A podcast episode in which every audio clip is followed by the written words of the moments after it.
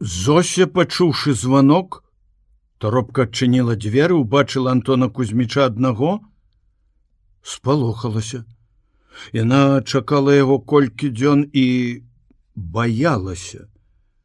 Ён таксама трохі сумеўся і нейкі міг стаяў за дзвярамі на асветленай пляцоўцы, расчырванелы велічны у багатай баярцы, шалікавы каўнер з нейкага адмысловага футра заінеў наперадзе, здавалася, зяў под святлом. Доктор трымаў некалькі пакункаў морозам і снегам водарам елкі святочным пахам пакупак і яшчэ нечым прыемным здаровым павеяла ад яго на зосю яна ўдыхнула ўсё гэта і ў яе закружылася голова яна адступіла ад дзвярэй ён увайшоў зачыніў дзверы у калідорчыку не было ўключана святло яны апынуліся ў паўзамроку Зося мацала па сцяне шукала выключальнік і ніяк не магла знайсці Антон Кузьміт цераз яе галаву, працягнуў руку і адразу ўключыў святло. Але пры гэтым пусціў адзін з пакункаў. Нешта шкляное разбілася. Зося хутка нахілілася, каб падняць пакунак, Ён таксама ў гэтым іх нахіліўся, яны стукнуліся галовамі, добра что шапка яго такая мяккая. Антон кузьміш засмяяўся. Гэта на шчасце.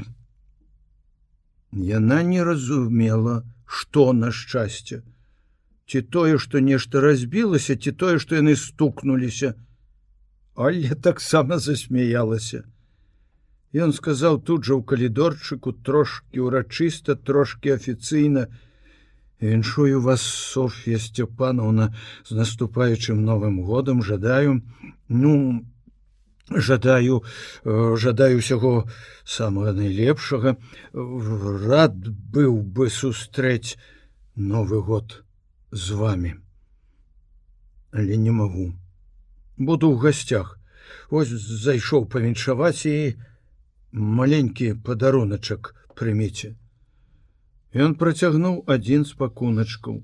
Яна збянтэжылася: что вы? Але ўзяла і прытуліла да грудзей як нешта самае дарагое.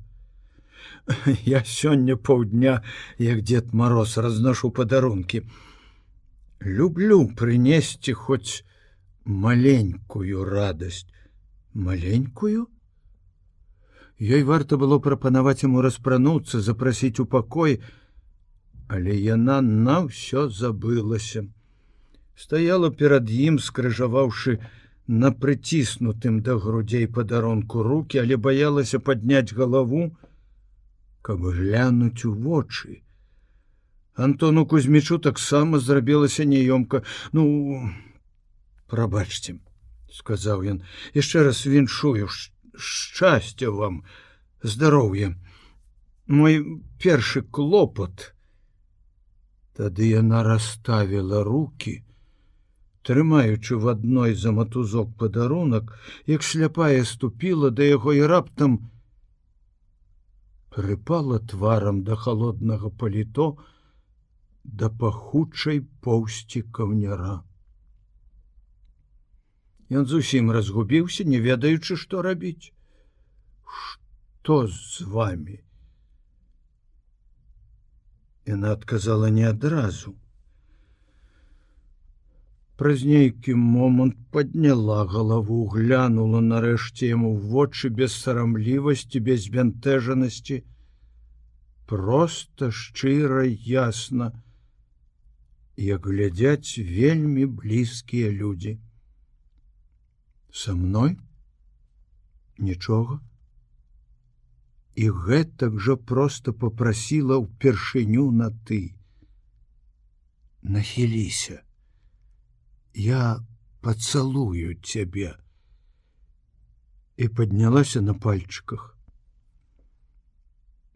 Нечаканая гэтая просьба чамусьці не здзівіла Антона Кузьміча, і ён без вагання нахіліўся і сам пацалаваў яе ў вусны, нязграбна абняўшы, перашкаджалі пакункі, ёй захацелася ў адказ павіншаваць яго так, няхай будзе так, што тут асабліва, а яна гэтак жа нечакана і раптоўна. Жанчыну ніколі нельга зразумець, выслізнула з яго рук, павярнулася, і нічога не сказаўшы пайшла ў пакой Антон кузьміч неўразуменна паціснуў плячамі і ціхенька не быў кватэры спала дзіця выйшаў